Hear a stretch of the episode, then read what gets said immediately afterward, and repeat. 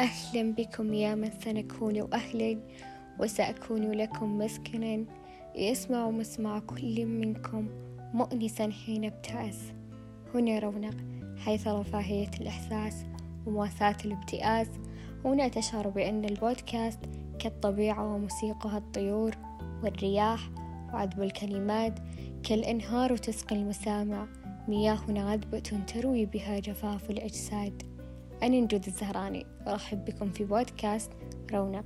أتمنى تكون رحلة سعيدة لنا نخوض فيها أجمل التجارب نتخطى فيها أصعب المواقف.